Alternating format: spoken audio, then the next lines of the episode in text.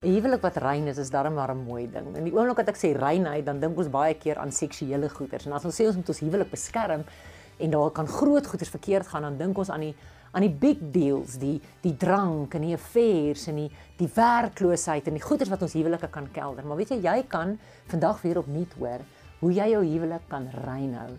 En dit is deur dit wat jy kyk, dit wat jy luister en die mense tussen wie jy kuier. Nou hierdie goeters het 'n groter impak op ons as wat ons besef. As jy jouself die hele tyd bepaal op 'n plek waar jy TV-reekse kyk of ehm um, goeters download van en ek praat nie nou van groot goed soos pornografie eers nie, maar jy download goed van jou foon af waar jy die hele dag gekonfronteer word met negatiewe goeters of goeters wat jou so op daai borderline van reinheid sit waar jy dalk begin om onnodig te fantaseer. En nou praat ons van seksgoed of jy kyk in goeters vas waar jy heeldag gekonfronteer word met goeters soos vreesagtigheid of waar jy die hele dag goeters kyk waar jy gekonfronteer word met negatiewe uitsprake oor die huwelik en die huwelik werk in elk geval nie en egskeiding en goeters en dis 'n gewone storie wat jy volg waar jy amper lekker kry as daai man en daai vrou geskei is maar weet jy wat daai vrou is in elk geval useless of weet jy wat daai man moes hy sy moes hom lankal al gelos het of wat ook al. Jy net daai goeters verander jou denke. Dit verander hoe jy na jou maat kyk so belangrik dat ons as kinders van die Here gaan sê Here, maak my oë oop sodat ek kyk wat ek kyk. Want dit wat ek kyk, gee my 'n kykie op dit wat in my hart leef. En dan moet ons gaan bepaal wat ons luister.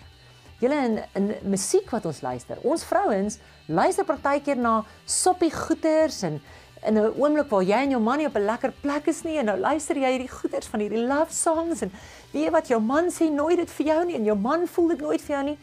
En op die einde van die dag voor jouself kon kry. Is jy op 'n baie negatiewe en op 'n baie slegte plek. Ons moet waaksaam wees. Hoekom? Want ons filter inligting deur hierdie twee goed. So dis nie net die mense saam met wie ons kuier nie. Dis die goeters waarna ons luister op ons kassie, nie die goeters wat ons met ons oë sien nie. Dan heel laaste is dit vir my belangrik dat ons as vrouens vandag mekaar eerlik sê. Dis nie net man se vriende wat 'n probleem is nie. Die die geselskap waarmee ons vrouens uithang het ook in vandag se tyd 'n groot krisis geraak. Jou huwelik op 'n moeilike plek is, gaan die girl wat nou deur 'n bitter egskeiding is, jou geen goed doen nie.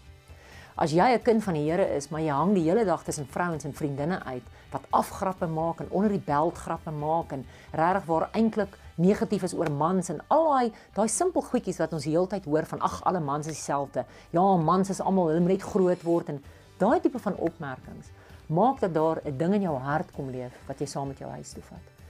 Help veel ons hou ons huwelike rein deur te sê ons mag sekere boeke nie lees nie, ons mag sekere flieks nie kyk.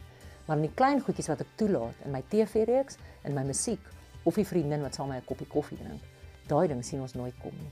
Jou huwelik is meer werd as dit. Gaan sit 'n paar boundaries in plek sodat jy jou huwelik rein kan hou. Want 'n rein huwelik is 'n mooi ding.